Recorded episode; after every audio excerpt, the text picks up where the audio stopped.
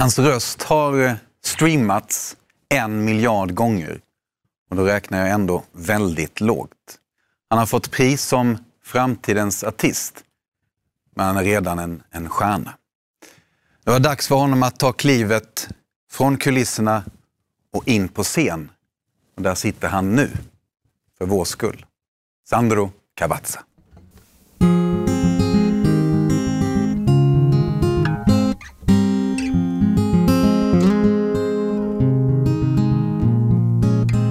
Every time I see your face,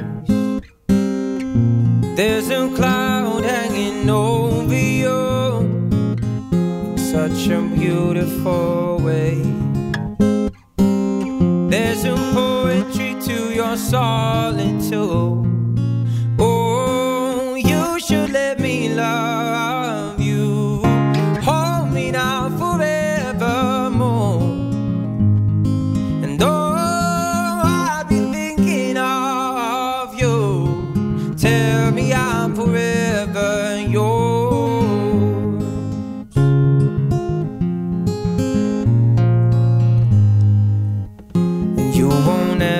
have to try to live by anybody else's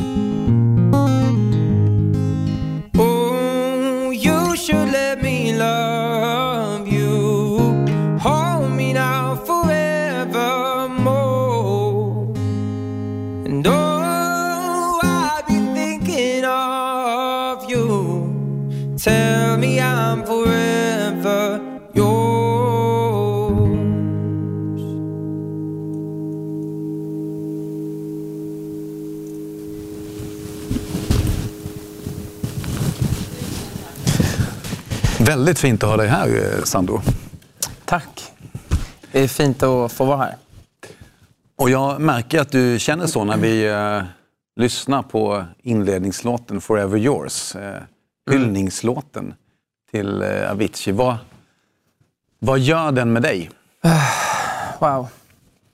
Eh, jag tänker ju lite osökt på vår långa bussturné i USA.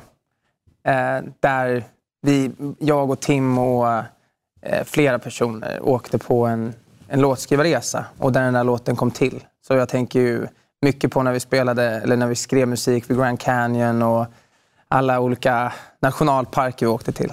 Det flashar förbi rätt mycket grejer. Och när jag såg dig precis efter låten så var det lite en annan du än det var bara någon minut tidigare. Vad händer i dig?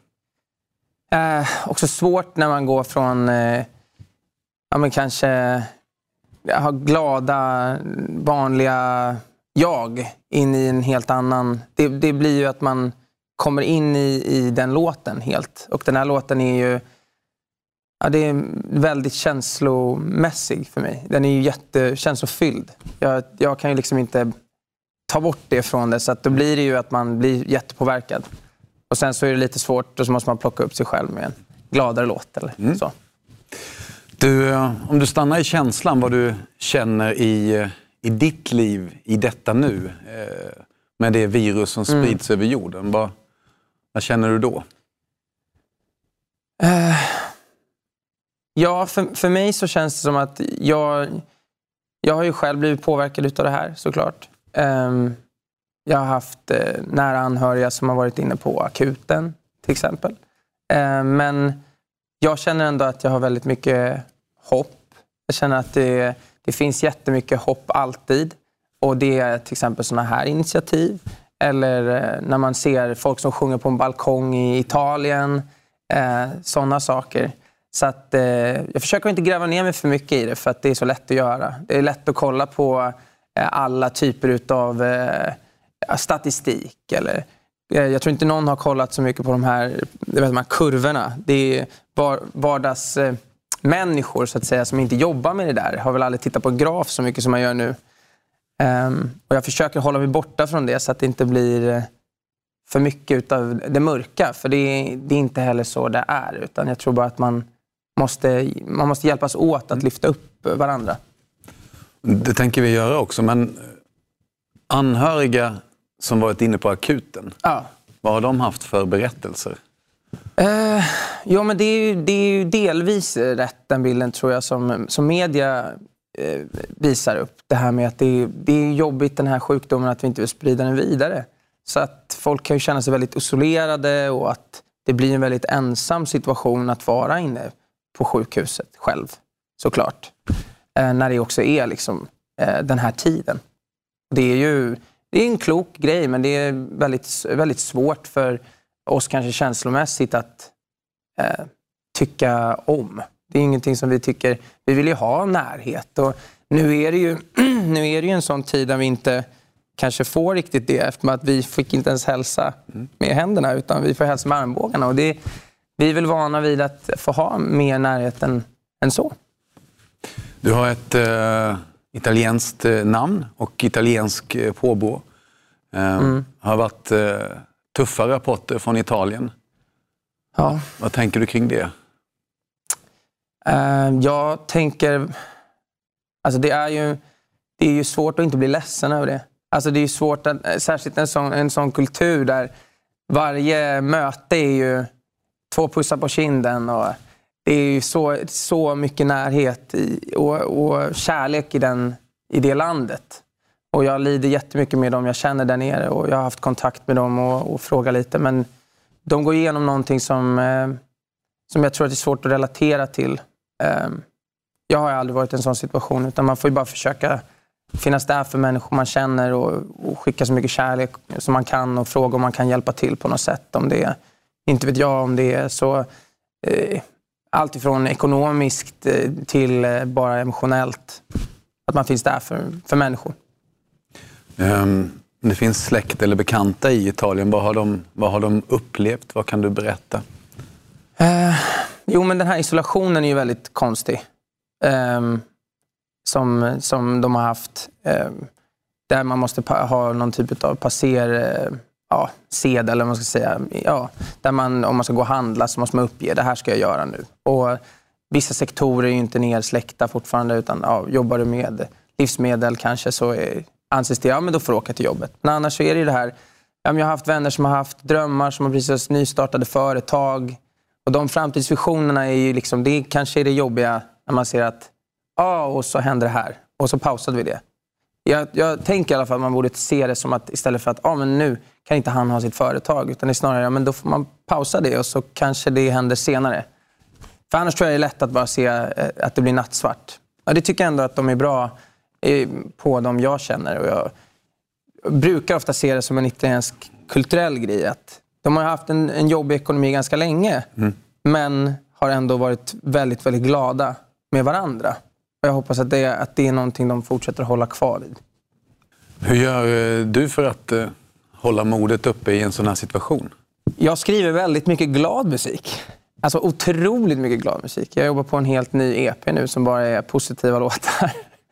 Jag vet inte, det blir, det blir liksom lite motsats, eh, motsatt effekt mm. i mig.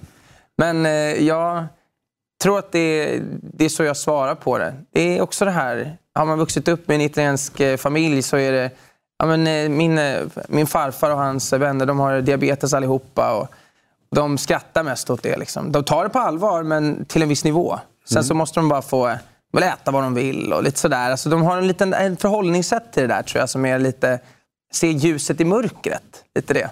Jag tror att det är så jag gör musikaliskt just nu. Jag skriver väldigt, eh, väldigt glada låtar. Ja.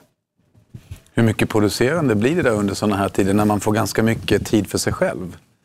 Ja, men det blir väl ganska mycket. det är ju det är väl svårt att inte... Alltså, det är ju det man gör. Det är det jag lever för, tänker jag väldigt mycket. Och då blir det ju lätt att man, ja, när man har gått eh, ja, några vänder fram mellan köket och vardagsrummet så kanske man blir ganska sugen på att ta upp gitarren. Och då, då blir det väl så att man skriver någonting. Lyssnarhjälpen eh, är något som finns på Facebook, skapat av våra radiostationer för er där hemma. Kanske du i Luleå som behöver hjälp med någonting, går in på Facebook och skriver att kan någon handla åt mig? Och så kanske någon annan i Luleå säger ja, jag kan hjälpa dig, att vi finns där för varandra. Och vi adderar nu den här musikunderhållningen som Sandro bjuder på idag. Och du vill eh, bidra till ett specifikt ändamål, eh, öronmärka pengar för det ändamålet. Vad är det för ändamål? Det är till eh, Tims eh, Foundation, Tim Bergling Foundation.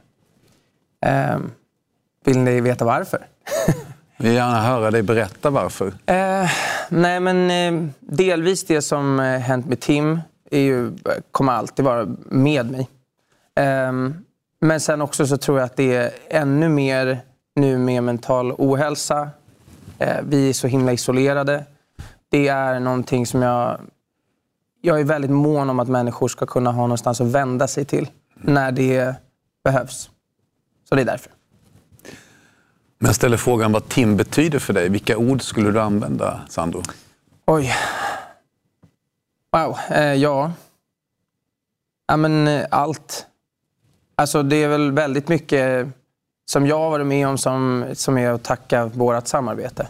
Eh, men eh, det är mycket insikter. Det är alltid, alltifrån att vi pratade om eh, den situationen jag var i då, den situationen Tim var i då. Ehm, all, all inspiration han har givit mig, alla de låtar vi har skrivit tillsammans, hur jag växte, ja, växte som eh, människa, eh, låtskrivare under den perioden. Eh, sen är det ju sen är det, ju det liksom att... Ja.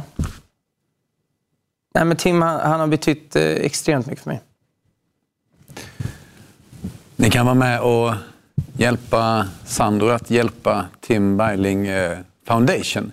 Det kan ni göra genom att eh, swisha ett litet bidrag till det nummer som ni ser i bild. Och som ett stort tack för det får ni mäktig musik från Sandro Cavazza.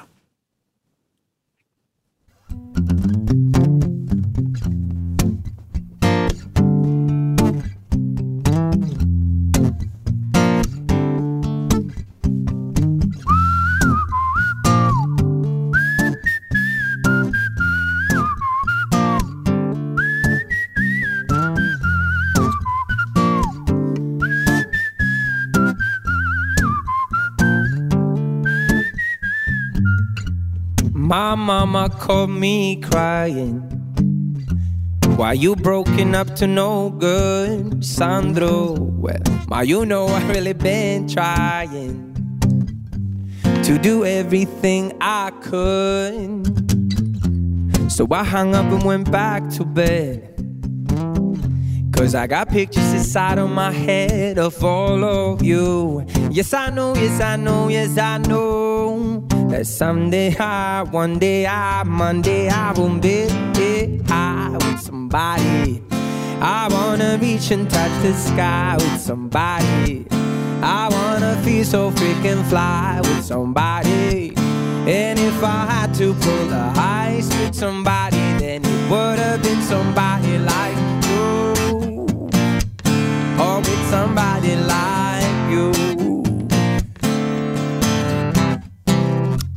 But forgive me if I'm whining, but but she may have been the one. But she was digging for my Monday, and now we all know I got none. But it's a good thing I've been hurt before, and that I love staring at the wall, cause I, well, I wait until tomorrow comes the sun will shine. I'll be fine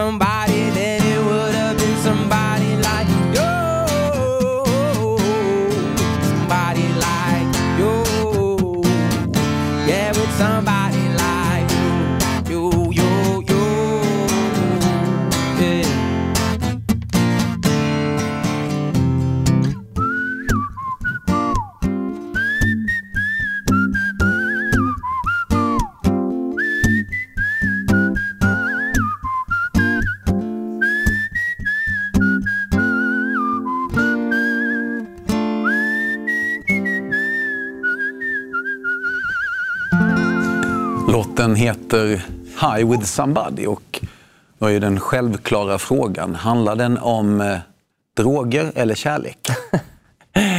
Åh oh, gud. Den här frågan hade jag hoppats att jag hade fått ännu tidigare i mitt liv. Den handlar ju alltså inte om droger då. Den handlar om en känsla. Eh, det kan vara kärlek. Jag vill hålla det mer öppet än så. Men eh, den är väl lite riktad till kärlek då. Eh, från mitt perspektiv. Men jag tänker att det kan vara vilken, vad som helst som får dig att liksom, bara, bara vara tillsammans med någon och göra någonting kul. Att man kan vara high on a feeling. Liksom. Hur ofta är du då på det här sättet high with somebody? Eh, menar du nu eller generellt? generellt? Ja, men ofta. Jag har fantastiska människor i mitt liv. Alltså, jag, så, jag är så tacksam över alla människor som, eh, som jag har runt, runt omkring mig, familj och vänner. Så det är ganska så väldigt ofta, måste jag säga. Men sen är det till exempel, jag kan ju bli... Ja, men, det måste kanske inte vara just en person. Liksom. Jag tycker ändå så här, man kan vara ute i natur och få en, en euforisk känsla. Men sen kanske det handlar, som du säger, somebody. Jag borde kanske skrivit något helt annat där så att jag inte låste in det i mänsklig form. Ja. Men vad gör den här situationen då med en sån som dig som verkar vara en, en person som tycker om ja, både fysisk närhet och mm. emotionell närhet? Hur, hur är det att vara du nu? Eh, men det går ändå ganska bra, tycker jag. Det går, det går bra. Jag, jag ringer folk mycket. Det, det är sådär. Jag ringer eh, mormor lite extra. Mm. Jag kan ju känna ibland att det är kanske viktigast för mig att känna att alla andra mår bra. Sådär. Att eh, de, mina äldre släktingar, att de mår bra. Då ringer jag dem gärna en extra gång. Och så. Och kanske kollar till eh, lillebror om han är sjuk. Liksom. Kanske gamea lite med honom eller mm. något annat. Eh, rent eh, förhållandemässigt, vad är din status? Du har en relation? Ja. ja. Och den här damen, eller killen, heter? Natasha heter hon. Ja.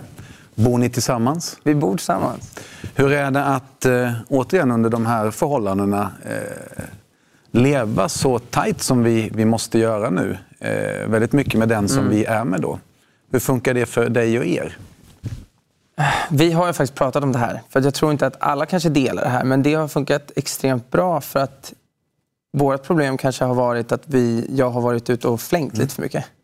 alltså, just runt om världen. Alltså, allt möjligt med någon session i LA eller något sånt där. Och så helt plötsligt så har man kanske saknat det där lilla livet. Så vi kanske har det extra bra av den anledningen. För att eh, vi trivs ju i det nu, verkligen. Och det var, vi har precis vi har förlovat oss. Och, ja, så det, har, det, det känns som att det är helt rätt tid för oss att få, få ägna oss åt varandra. Men sen är det ju också, jag bor i en etta, så det är ju inte jättekul med att det, det är så litet utrymme. Men, eh, ja, man hittar, hon, hon, jobbar från, eh, hon jobbar från köket och jag skriver väl i vardagsrummet. Och så försöker jag hålla nere lite. Kanske parmuta några ackord. ja. Wow, vilka bilder jag fick. Ja, ja, ja. ja det är så det är. Eh, det här kan vara fördomsfullt, men jag ser att det finns passion och det fattar jag när jag lyssnar, eh, lyssnar på det när du sjunger också. Eh, ett, ett, en förlovning eller ett frieri på italienska, hur går det till? oj, oj. Ja du, det där får du faktiskt fråga någon annan om. Tänkte säga. Jag vet inte. Jag tror att det, det är stort eh, oavsett kultur, tänker jag. Mm. Men för mig så var det ju, alltså, det var ganska dramatiskt. Vi, vi, var ute, vi var ute i storm på en bergstopp, så mycket kan jag säga, precis innan coronakrisen. Mm. Och eh, var ute och vandrade och eh, ja, då var det dags i mitt liv. Det här var planerat alltså? Inte alls planerat. Jag tycker att det, det tycker jag nästan är det finaste, när det, när det får vara helt... Eh, när det får bara vara någonting som, som händer. Alltså jag vill verkligen ge en eloge till folk som friar i de mest vardagliga och så här, jag fick bara känsla för det här. Alltså, när man, när man bara, eller på sitt sätt, så tycker jag. Om man vill planera det och lägga eh, en ring i, på havets botten och sen så göra någonting speciellt med det, då ska man få göra det. Men jag tycker att det är viktigt att man får följa sig själv och det här var verkligen mitt sätt att göra det på. bara. Men du hittade inte bara en ring på bergstoppen utan det fanns en ring med? Det finns fortfarande ingen ring. Aha! sen hände corona och sen så... Ja. Okay. Men vi kan ju googla mycket på det så att det händer förhoppningsvis. Ah, okay. Snyggt. Etapper. Ja, etapper. Ja, ja, gud. Man måste se fram emot nästa steg nu i coronatiden. Levels. Ja, ja, absolut. Ja, snyggt. Eh, Okej, då har du hunnit med mycket socialt och, och mycket kärlek under den här tiden. Eh, jag sa tidigare att du blev utsedd till framtidens artist. Och tänker jag att, att nu, nu ser vi ju dig också. Nu hör vi ju inte bara dig, utan du är ju en person också, en gestalt. Eh, vad skulle det här året ha tagit vägen eh, egentligen? Ja. Jo, men eh, det är ju saker som händer. Eh, jag har ju en release på väg med min eh, norska vän eh, Kyrre Kygo. Då. Eh, den händer ju fortfarande. Ehm, sen har jag skrivit mycket låtar. Men det var ju några sådana saker som man inte riktigt... Ja, man kanske har fått pausa. Det var vi skulle åka till Ultra i Miami till exempel. Och sådär. Och så var det väl några... Jag skulle skriva i London. skulle jag göra också. Ehm, och det var ju tråkigt att det ställdes in. Men samtidigt så är det liksom... Man, jag tror att man... Jag hittar väldigt snabbt en ny, en ny väg. Jag försöker inte gräva ner mig i det där så mycket som möjligt. Jag tänkte, ja, men jag börjar ju skriva i, runt ett köksbord. Kan jag göra det igen? Typ. Alltså, det är lite kul. Jag har gått tillbaka några steg. Men det var ju alltså, så här, i vad man ska säga... Eh, ja, att man inte behöver ha en studio för att skriva en låt. Utan att man kan skriva den hemma. Att det är lite kul att få en ny vinkel på det igen. Jag, jag, jag kan ju tycka att det kan ibland vara... Om man kan, alltså det är lättare att ibland veta vad det är för problem man har att jobba emot. Till exempel som när jag bröt ryggen. Då visste jag att varje dag jag vaknar upp nu, då kommer jag ju behöva eh, ta den här promenaden. För att jag ska liksom kunna bygga upp min muskulatur till exempel. Ehm, och Det kan jag tycka lite med det här också. Nu vet jag ju vad jag har för förutsättningar att jobba emot. Liksom. Ja, men nu måste jag komma igång på morgonen. För att om jag ska stanna inne idag, då måste jag ju då måste jag verkligen köra nu. Liksom. Så då går jag och tar upp gitarren till exempel. Eller försöker göra bra saker på morgonen som engagerar. Ta kaffen direkt och sen så bara upp och skriv. Liksom. Du bröt ryggen. Ja. När och hur hände detta? ja, men nu är det ändå ett tag sedan. Eh, Vad är ett tag? fyra år sedan tror jag. Ja. Okej. Vad var det som hände? Ja, jag var ju ung och dum va. Nej men eh, alltså, vi skulle hoppa från ett par klippor på västkusten. Och så var det lite för högt. För att eh, ja, det var liksom inte världens bästa läge att hoppa tror jag. Jag har hoppat när vi var yngre liksom. Och sen så var det helt plötsligt så att man bara, ja men, ja, men där uppifrån kan vi hoppa. Så var det kanske 16 meter eller något. Och så, så hoppade min vän först och han klarade det. Och då tänkte jag, men vi har gjort dumma grejer ihop förut. Och det har vi klarat. Och så hoppade jag och så jag klarade inte riktigt lika bra. Eh, kanske borde ha hållit mig till musiken i det läget. Då. Nej men eh, så, eh, ja, men så det har jag ju liksom, det har jag varit med om. Du kan inte pausa berättelsen. Vad, vad, Ja. var, det, vad var det som hände? Ja, nej, alltså det... Eh, ja, när man landar i vattnet Ja. eh, utan att vara någon, någon typ av professor här så... Eh, men så eh, eh, ryggraden trycktes ihop. För att det, det är så högt och vatten blir ju över en viss höjd så blir det ju hårt. Liksom. Så då så fick jag en kotkompression med någon typ av, ja, vad det nu var.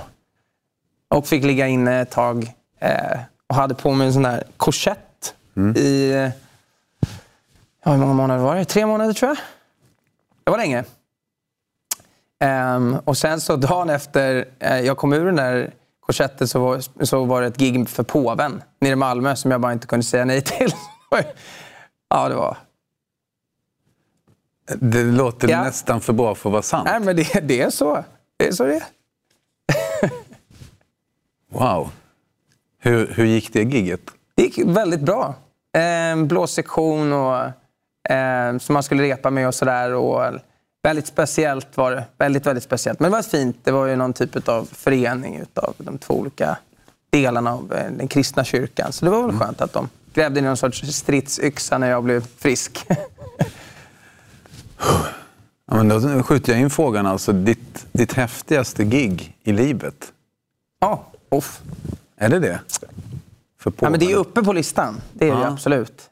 Ehm, den här eh, landskampen jag sjöng på, eh, också i eh, halvlek var det. Ehm, var det Luxemburg vi mötte? Svårt, jag kommer inte ihåg riktigt. Prata fotboll. Ja, fotboll. Det var något sorts publikrekord där. och så där. Det tyckte jag var mäktigt eftersom att jag också gillar fotboll mycket. Så att, eh, det är väl absolut där uppe. Men sen har det varit också när man har varit ja, men i, eh, ja, men på turné med Kyrre till exempel, så har det varit väldigt sådär... Um, ja, men en arena i Japan är också jäkligt häftigt. Alltså.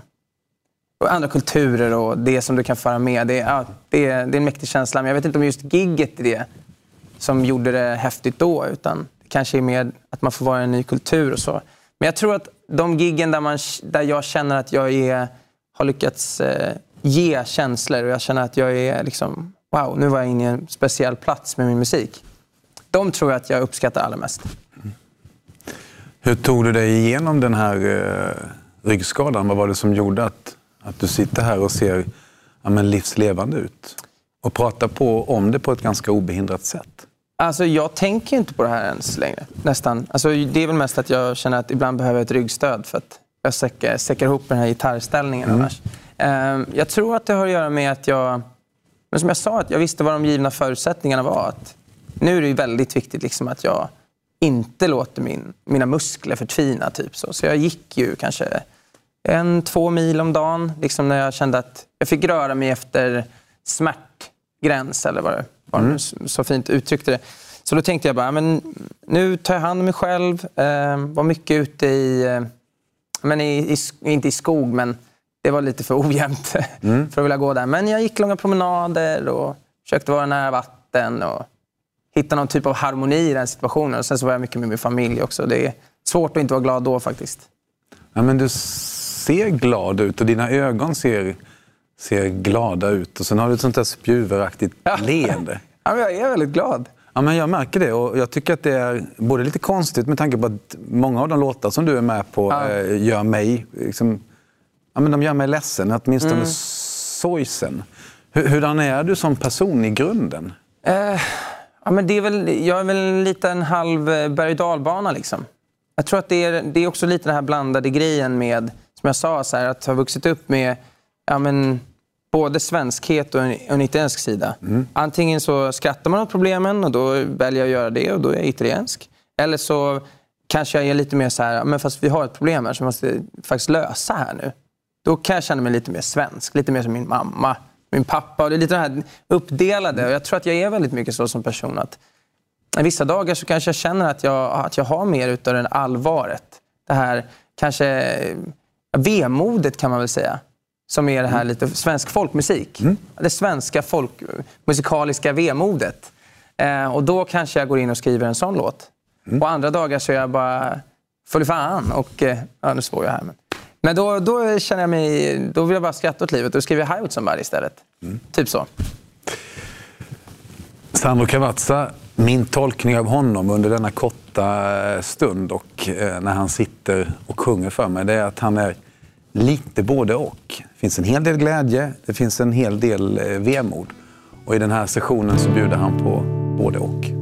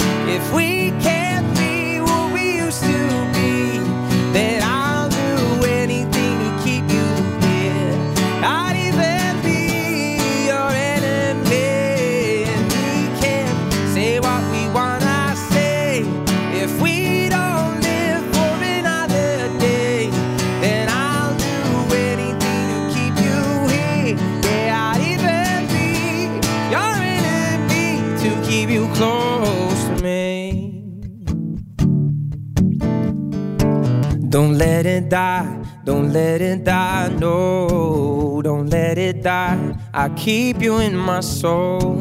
Don't let it die, don't let it die, no, won't let go. Hey, don't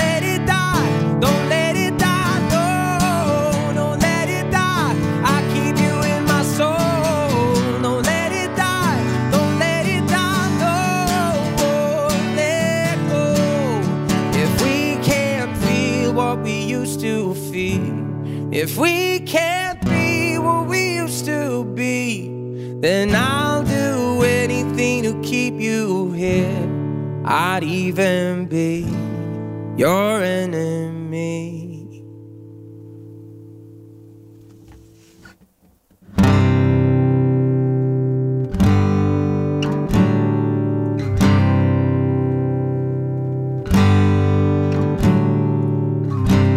We don't that it's all gone. Just a matter of minutes before the sun goes down. We're free to admit it, but I know you know, know that we should've known better, but kept on trying. It's time that we see it. The fire's dying out. Can't believe that I see this. We're out of chances now. And I just want you to know that you and me, it was good, but it wasn't right. And it'd be hard, but I know I will make it out. Step by step, I move on and get on with life. So I let go, and I Yeah, I hope you'll be happy now.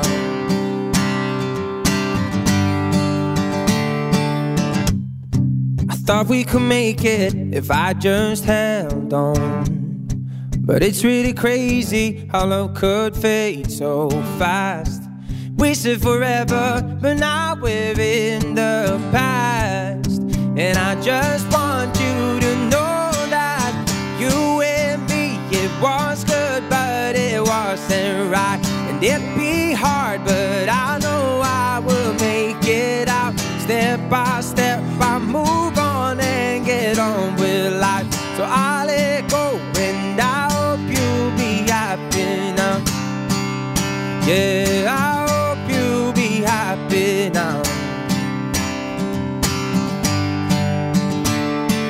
Thought we could make it if I just, if I just held on. Thought we could make it if I just, if I just held on tight. But we said forever, but now we're in the past. And I just want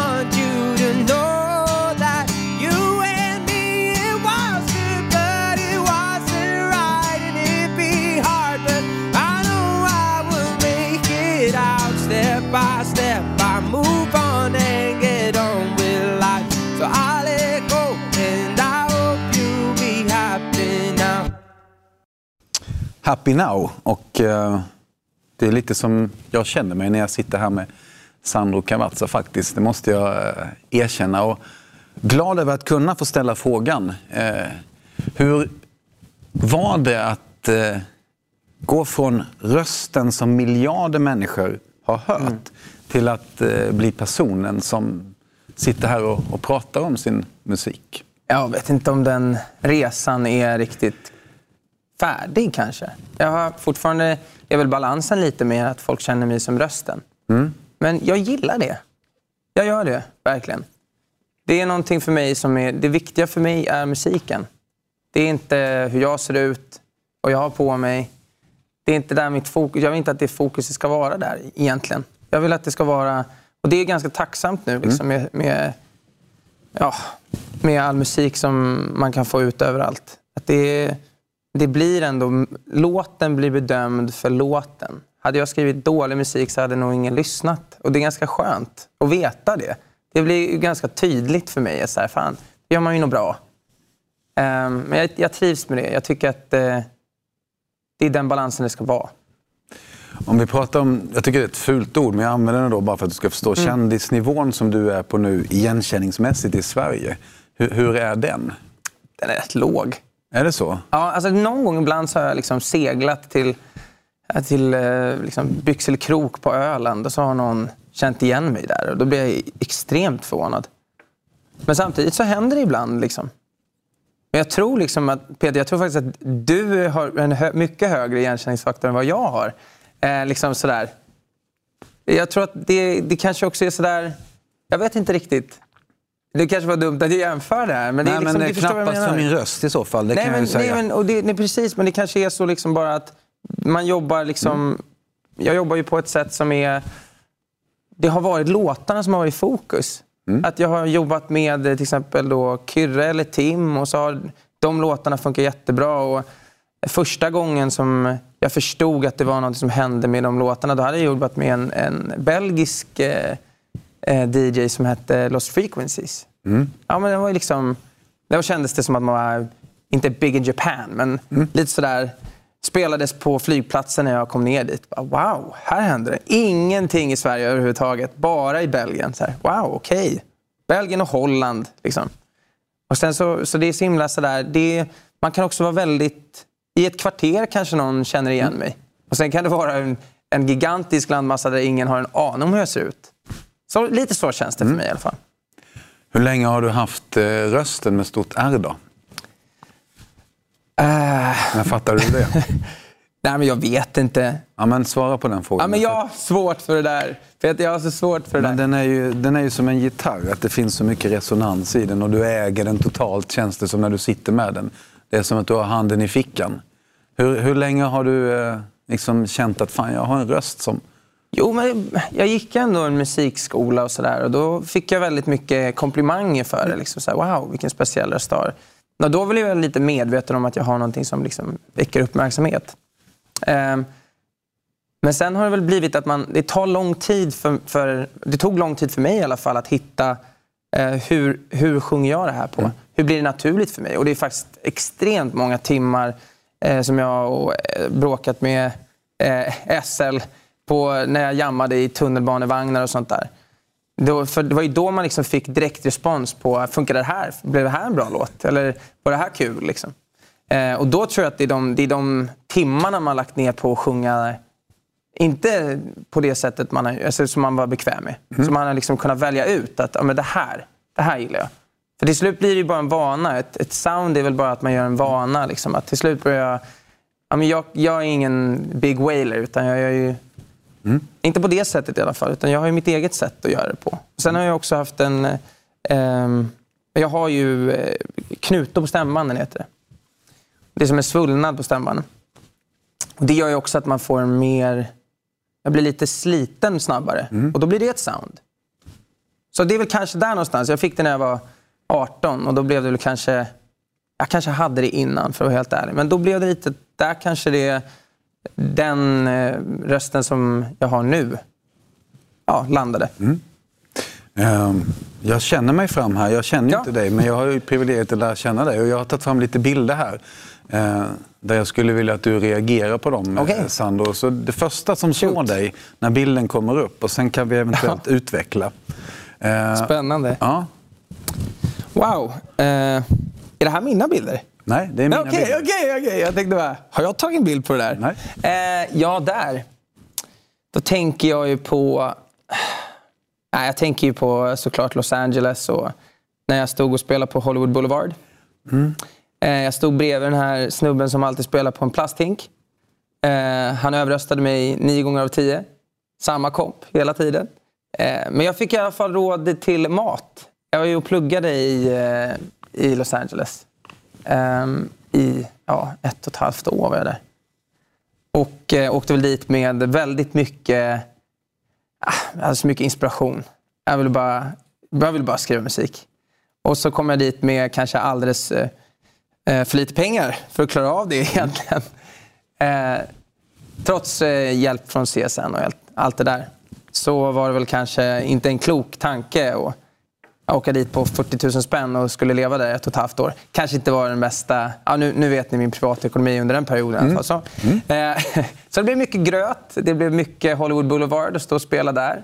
Eh, men eh, ja, det var, det var också där som jag skrev eh, Gonna Love You som blev min första låt med Tim. Jag har varit där och gjort eh, reportage från det amerikanska samhället. Och det ja. där är ju en kluven stad. Eh, där det i världens ballaste stad finns ett område som är ett av de mm. hemskaste som jag har varit och gått i, som heter Skid Row. Ja.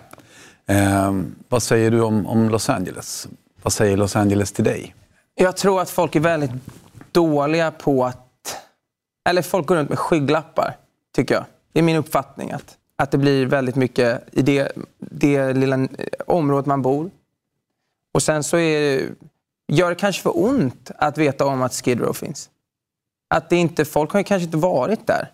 Det är min uppfattning. För att det är svårt att hypa upp en stad om man har gått på Skid Row mitt i natten efter ett gig. Som jag har gjort. liksom att känna på den otryggheten och se att här lider människor på den här nivån då har man inte en unison hyllningskör till Los Angeles som stad. Jag tycker inte alls att den fungerar på ett sätt som jag, som gör att jag, jag skulle aldrig kunna bo i Los Angeles av den anledningen. Jag tycker inte alls om den uppdelningen. Jag känner för mycket med människor när jag, när jag var på Skid Row. Jag blev ju, jag blev ju helt eh, förstörd utav det. Då ser folk mår dåligt. Och alla de små dollarna som jag hade tänkt köpa gröt eh, för, de slängde jag väl liksom ner till någon som behövde dem ännu mer. Det blev liksom, det är perspektivet av det där. Det, nej, jag mår inte bra om, om andra inte mår bra. Så blir det. Varför flyttade du hem från Los Angeles? Eh, oj, det var mest ganska mycket en branschfråga. Eh, jag hade ett projekt där och så ville de bara signa mig och inte projektet. Och det var jag inte intresserad av och jag var inte så himla sugen på. Eh, jag gillade ju inte Los Angeles av den anledningen som jag precis sa. Och, och då blev det ganska lätt. Jag hade alltid tänkt flytta hem till Sverige också. Mm. Det här jag har min familj och, och vi gör bra musik på hemmaplan. Mm. Verkligen. Jag har eh, fler bilder. Oh. Första känslan? Ja, jag, jag vet ju. Jag vet ju mycket om, om Tim, så jag vet inte riktigt hur kul han tyckte det var att ta den där bilden. Jag, jag vet faktiskt inte hur han, hur han tog det, men ja. Han ser lite skeptisk ut. Va, ja. Vad tänker du på att, att det inte var kul? Han brydde sig inte så mycket, tänker jag. Han brydde sig inte, han ville göra musik. Det är liksom det, är det jag gillade så mycket med Tim, att det handlade bara om musiken för honom. Eh, alltså på, på en nivå som jag såg upp till när vi jobbade så var det bara... Och, och inte nöjd. Det där kan jag väl känna med eh, låten. Den kan mm. alltid bli lite bättre. Kom igen, vi skriver... Vi, vi, men det där ordet, kan vi inte ändra det ordet? Kan vi inte göra det där lite bättre? Jag känner igen det där. Jag vet inte om jag känner igen det på den nivån. Eh, för det där är ju en världsnivå. Ja. Eh, men det där är ju både bra och dåligt. Ja, det kan det vara. Det äter ju också. Ja. Vad, vad, känner du kring det? Att aldrig vara nöjd? Eh, jag tror det är en farlig grej. Jag tror att, inte, jag tror att det var Stephen Hawking som sa att hela universum finns ju, existerar på grund av att det, det, man, det finns ingen perfektionism. Alltså, ingenting är perfekt och det är därför vi existerar. Och det, då, lite sådana saker har jag ju gått runt. För jag tänkte ofta, jag satt och nötte och skulle tweaka allting sista, alltså till sista liksom detaljen kändes perfekt. Och så gjorde det aldrig det ändå. För att det, det handlar om att man måste också släppa taget lite. Eh, och det är någonting som jag fortfarande jobbar med, men, men börjar lära mig mer. Och när jag jobbade med team så såg jag någon som var väldigt, väldigt, väldigt duktig på att inte ge sig. Tyckte inte att han var perfektionist, men det var, det var, det var bra nog när det var bra nog. Och Sen vet jag inte om han visste. Jag var aldrig med riktigt på slutproduktionerna. Men just med låtskrivandet så hittade vi ändå en nivå tillsammans där vi var nöjda. Men det tog lång tid, det gjorde det.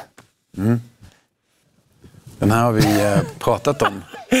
ja, den. Så att eh, den kan vi bara titta på. Jag och, tror att det är den kotan där någonstans. Som... Ja, någonstans. Den ska ja, se ut som en, ihop, en fyrkant, men det ser lite mer ut som en tårtbit. Då, då. Jag känner ju den där kompressionen när jag bara hoppar från femman. Ja, ja men det. Va, vad fanns det för rädslor då eh, när detta hände i worst case scenario? Vad tänkte du för tankar? Ja, men jag vet inte om jag tänkte så mycket. Jag kände ju liksom att jag kunde... Precis när man hade landat så kunde man ju sparka med benen. Då tänkte jag att ja, det var ingenting som var av här. Lite så. Ja. Tänker jag att uh, hade man uh, känt att man hade, hade man fått en förlamning så hade inte det kunnat hända. Så ja, lite snabbt så kände jag väl bara att det här kommer lösa sig på ett eller annat sätt. Så.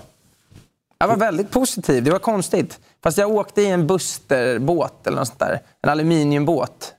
Eh, och ligga på rygg i en sån efter en sån där grej, det var, det var hemskt. Det, det var det värsta. Jag tror inte att det står i sjukvårdshandboken. Nej, det tror inte jag. Nej. Oj. Pengar. Ja. Jag undrar, med en röst som har hörts av så många, mm. som nu då har blivit ett ansikte också. Mm. Eh, hur mycket pengar har det inneburit? ja, det, har ju, det blir ju en del. Så är det ju. Eh, det är också, musikbranschen är ju ganska förskjuten och sådär och det tar lång tid. Ehm, det är inte som när man sålde skivor. Och det var liksom, nu beräknar vi, så här mycket blir det. Och de får du nästa månad. Det är lite, för, det är lite försenat och mm. skjutet så.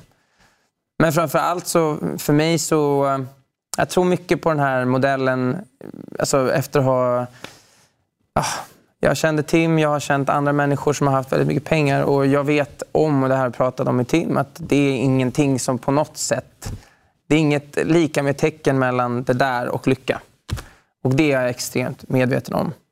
Um, så det spelar nog ingen roll för mig riktigt om jag skulle få extremt mycket eller om jag skulle ha mindre så vet jag att det inte är det som påverkar min lycka i slutändan. Däremot så ska man inte säga heller... Jag tror på den här modellen som är att över en viss nivå så blir man inte lyckligare. Mm. Det, det är ungefär det jag, jag tänker på när jag ser det där. Och under en viss nivå tror jag också att man kan bli olyckligare. Så jag tror att det handlar om att hitta sin nivå där man själv känner sig lycklig. Och sen, eh, jag tror, jag tror verkligen att det finns människor som... Ja, men eh, det är till exempel i Brasilien när jag var där så spelade jag fotboll med eh, med gatubarn och jag volontärarbetade. Och de var väldigt mycket lyckligare än, än människor jag har sett som har haft väldigt, väldigt mycket pengar. Ett bra svar. Det låter som att du har tänkt på det. Ja, det har jag gjort. Mm. Det där. Funderar eh, vad det här är och jag tänker att det här är, är fest. Mm. Eh, det här är att fira sina framgångar. Det är någonting man borde göra oftare tror jag. Varför säger du så? Nej, men det är också lätt att man bara eh, jagar nästa grej. Att det blir, man inte riktigt hinner stanna upp och vara nöjd med det man, man har lyckats med i livet. Eh, vad det än är. Det kan vara... Det är odefinierat, men, ja, men man, man, det är så lätt att man bara går vidare. Nu har jag gjort det här. Vad är nästa grej då? Jag är väldigt sugen liksom på att alltid ta nästa kliv. Och, göra någonting eh, annat. Mm.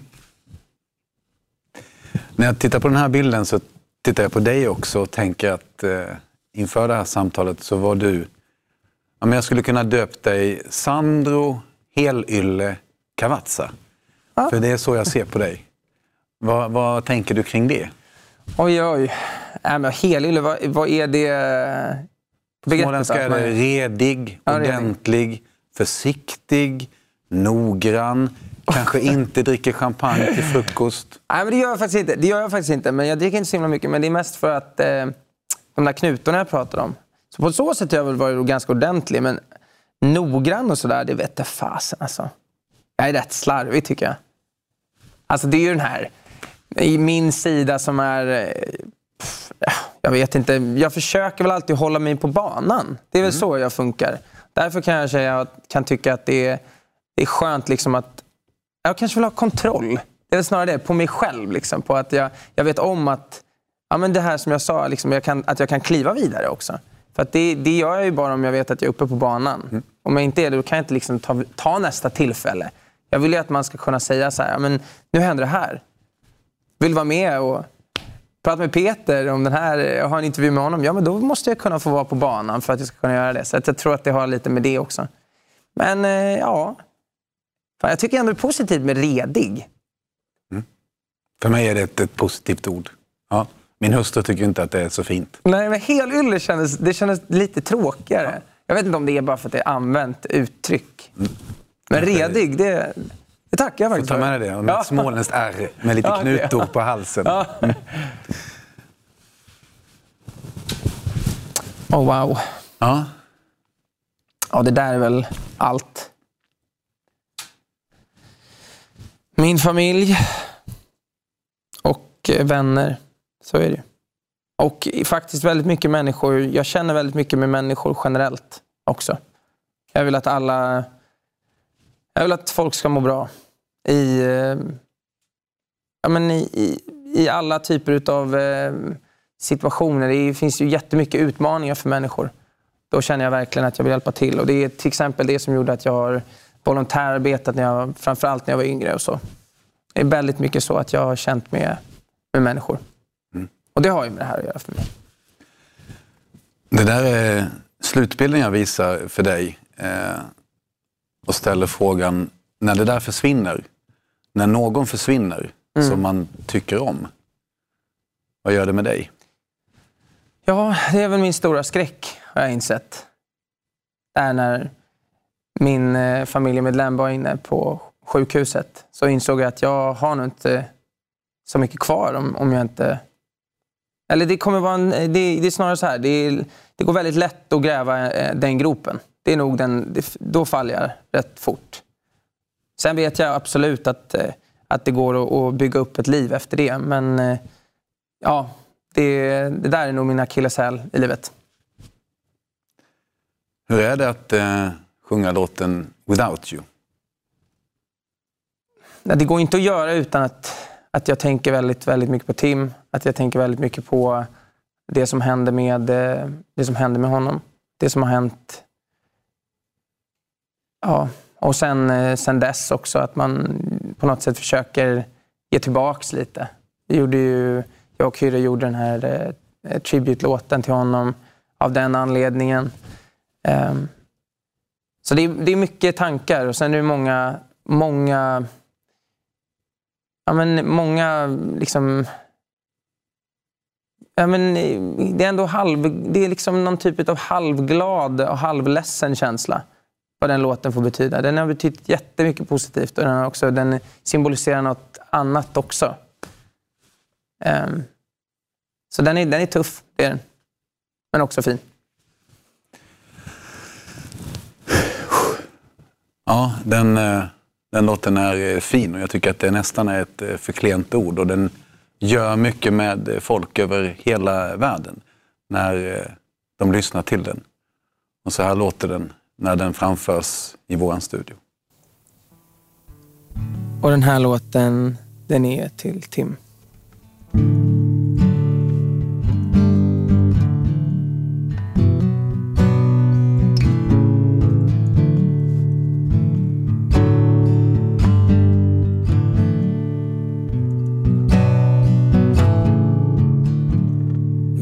certain that we would always be. Without you, I feel lost at sea. Through the darkness, you'd hide with me. Like the wind, we'd be wild and free. But you said you follow me anywhere. But your eyes tell me you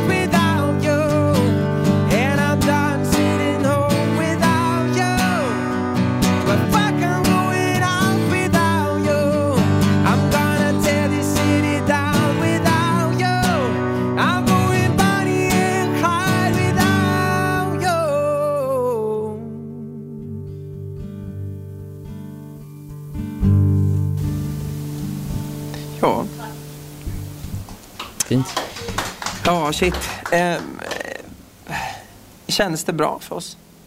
Det var jättefint. Ja. Nu gjorde vi inte downbreak-refräng, men det, var, fanns, Nej. det fanns något fint i det också. Det där var väl ett eh, utmärkt exempel på hur bra det blir när någonting betyder något för en. Det där var Aviciis Without You, tolkad av Sandro Cavazza med hjälp av Johannes. Det får avsluta Lyssnarhjälpen Music Sessions. Tack alla ni som bidragit till Tim Bergling Foundation. Ses igen.